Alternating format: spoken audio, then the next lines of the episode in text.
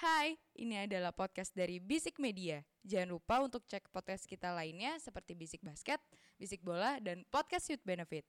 Oh iya, jangan lupa juga follow Instagram kita di @bisikmedia.id. Oke, selamat mendengarkan. Percaya gak sih lo salah satu midfielder terbaik di dunia mainnya males-malesan? Iya, yeah, kayak lu kalau lagi disuruh emak ke warung.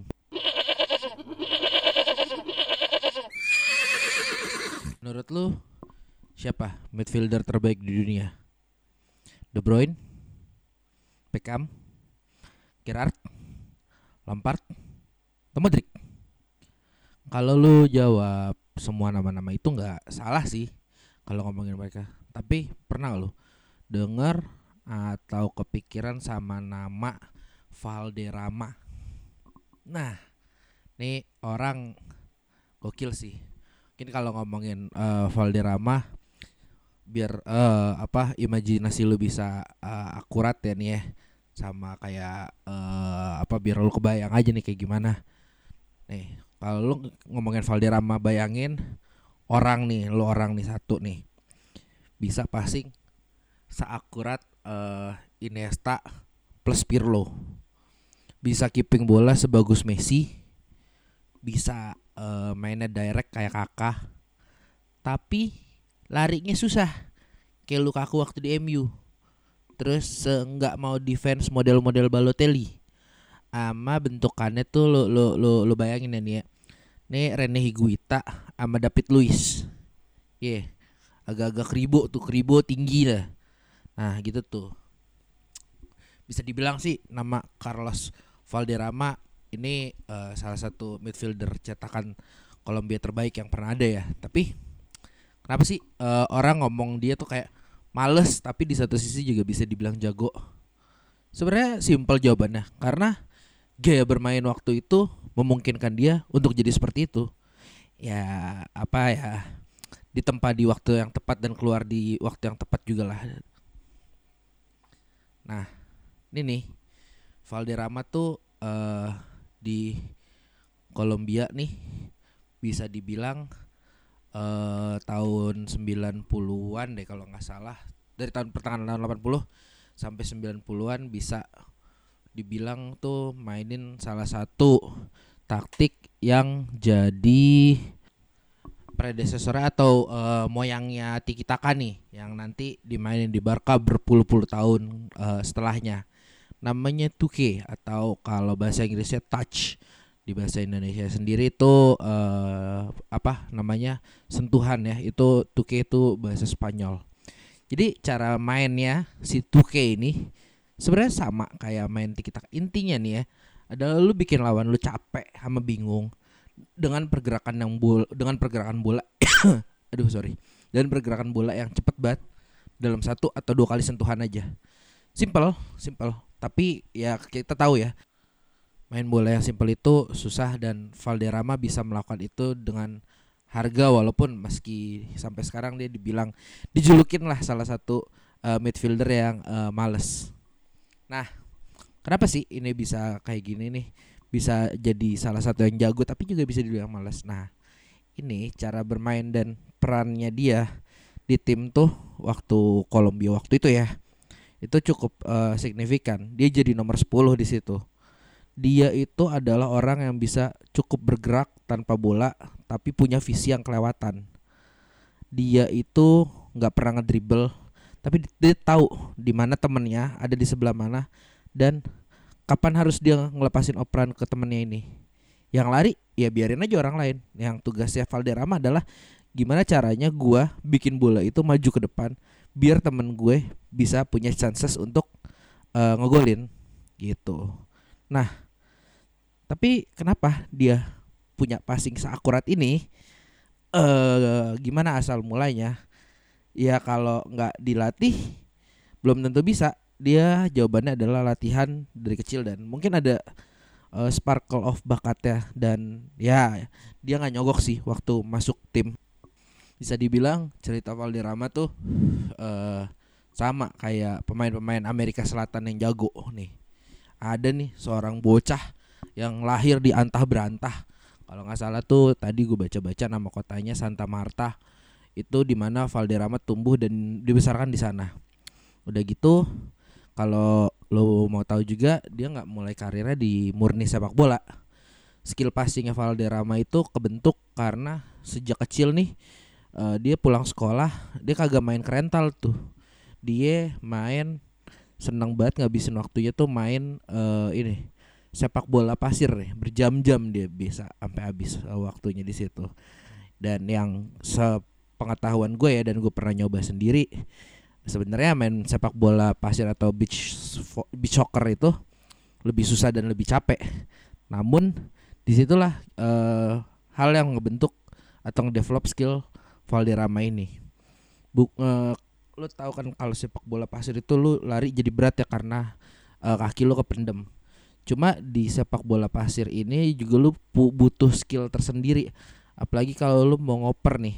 Ini kan ya lu tau lah pasir pantai bentuknya kayak gimana.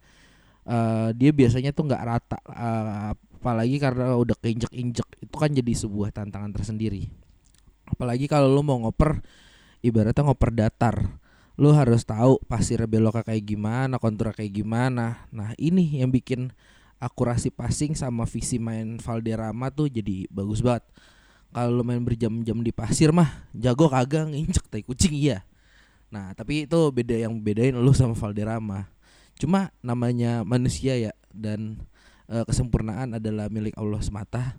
Valderrama juga ternyata di masa mudanya itu bocah-bocah problematik lah sama temperamen. Mungkin nggak nggak eh malah menurut gue temperamennya lebih lebih gila dari pemain sekarang sih. Uh, ya wajar lah ta lu gede tahun di 80 90 yang uh, ibaratnya keras lah. Dia uh, diceritain sama pelatihnya waktu muda ini ini bocah bengal banget nih saking bengalnya si Valderrama tuh pernah berantem sama uh, aparat keamanan Kolombia yang bikin dia di penjara selama dua bulan. Ya walaupun ujung-ujungnya uh, tobat juga ya si Valderrama ini. Dan uh, lu tahu nggak kenapa dia setelah taubat itu salah satu redemption thingnya buat dia adalah dia uh, mulai fokus sama sepak bola. Karena alasannya cuma satu dan gampang. Kolombia itu menurut dia udah 30 tahun belum pernah ke Piala Dunia sejak lu gue lupa. Uh, Chili 60 berapa gitu. Dan menurut buat dia tuh ngelihat teman-temannya nonton bola tapi ngedukung tim atau negara lain itu tuh nggak banget atau aneh Cuma kalau kita bilang namanya jalur langit ya, ada aja kan ya jalannya ya. Nah, si Valderrama ini uh, ngebuktiin nih janjinya dan passionnya dia. Di dia akhirnya masuk uh, kepilih lah jadi uh, pemain timnas Kolombia dan di turnamen internasional pertamanya nih dia udah bikin orang tuh nengok ke dia udah bikin nih gue Valderrama apa yang coming uh, dia waktu itu kalau nggak salah main di Copa America 87 dan dia di saat itu jadi jenderal lapangan tengah Kolombia sukses uh, ngalahin Argentina yang waktu itu masih ada Maradona waktu prime nya 87 awal. Habis menang Piala Dunia tuh kalau nggak salah 8 8 86 ya 86 ya. Benar 86 habis menang Piala Dunia. Apa cemiu ya? Saya ingat gue sih 86 ya. Cuma cemiu aja kalau gue salah dan uh, di Copa America itu dia berhasil finish sama Kolombia tuh di uh, peringkat ketiga. Itu tuh peringkat keempat Argentina. Jadi pas perebutan peringkat ketiga dia ngalahin Argentina. Nah coba kalau lu atau gue yang ketemu Maradona Prime paling kita salim sama dia gara-gara dikolongin. Dan uh, gilanya lagi juga Valderrama juga jadi player of the tournament saat itu. Ini nih yang bisa dibilang jadi salah satu turning pointnya Valderrama. Setelah Copa dia dapet tuh kesempatan buat main di Eropa. Klubnya nggak gede-gede amat sih cuma uh, dia bis dia akan membuat sebuah signifikansi di uh, Liga Eropa. Aduh batuk lagi. Dia tuh masuk uh, ke Montpellier. Montpellier itu kalau lo nggak tahu itu klubnya Giroud. Nah dia juara tuh satu kali Ligue 1 di musim 2011 2012 Nah gilanya nih ya, gilanya yang menurut gue gila saking saking jagonya nih si Valderrama main one touch passnya.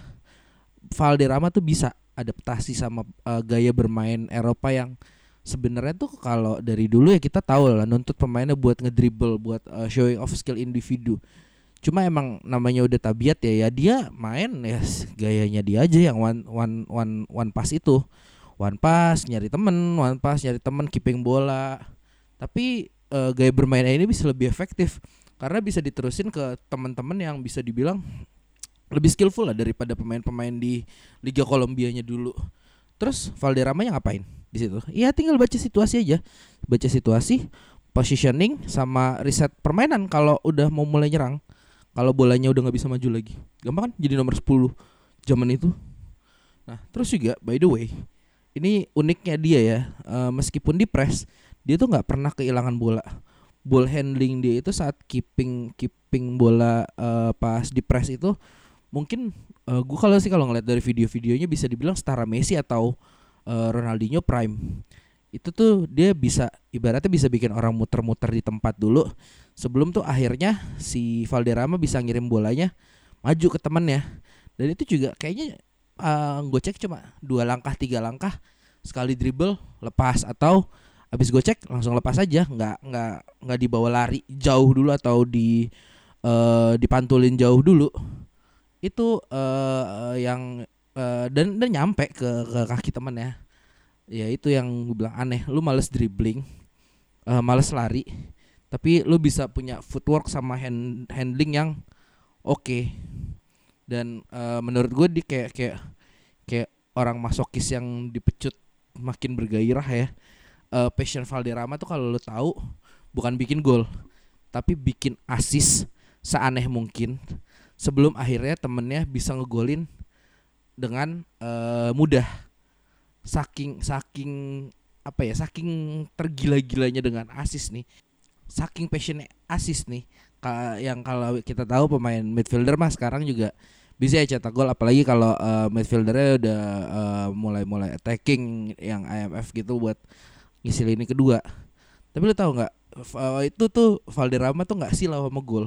Dia bisa bikin gol kalau kesempatannya ada dan saking passionate dia bikin assist dia tuh selama main di Montpellier dari 77 capsnya dia dia cuma bikin gol 4 tapi nggak bikin pemain lain tuh hilang respect ke dia.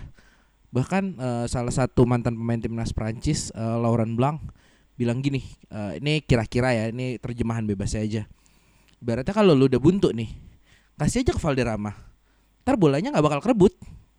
Tapi nanti ketika lu maju ke depan, bolanya bisa nyampe lagi di kaki lu. Itu uh, apa salah satu testimoni orang yang ibaratnya pernah main sama dia si Lauren Blanc ini main di Montpellier waktu sama Valderrama.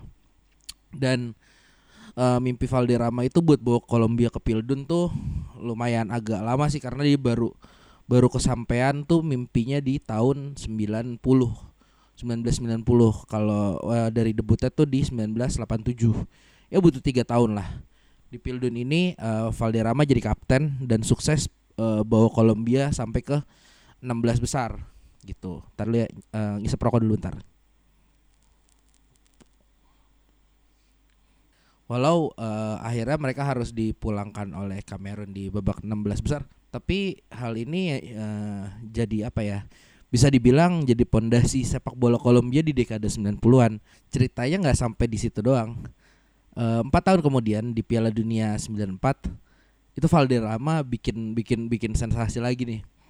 Dia waktu kualifikasi itu satu grup sama Argentina. Dan uh, Argentina itu dibantai 5-0 sama dia. Uh, itu yang bikin dia jadi elevate jadi salah satu legenda sepak bola uh, mungkin bisa dibilang Amerika Selatan lah. Karena kalau dunia belum tentu banyak yang tahu cuma di Amerika Selatan lumayan prominent nih dan Kolombia tentunya. Saking dulu nih si Valderrama populernya dia pernah jadi cover uh, game bola namanya International Superstar Soccer Pro 98 yang pada akhirnya sama Konami namanya dirubah jadi uh, Pro Evolution Soccer alias PES Uh, tapi walaupun uh, gitu kita bisa bilang silverware Valderrama sih nggak banyak. Dan setelah main di Montpellier pun di Eropa dia lanjut ke Real Valladolid sebelum akhirnya balik ke Kolombia dan uh, dia tuh pensiun di MLS kalau nggak salah di awal tahun 2000-an uh, terus juga Valderrama ya tetap jadi sosok yang punya respect tinggi di dunia sepak bola sih karena dia jadi salah satu dari dua pemain yang diidolakan sama uh, El Gaucho Ronaldinho. Sama dia tuh pas Piala Dunia 98 tuh. Kan uh, Kolombia lolos juga tuh sampai sampai grup uh, segrup sama Inggris.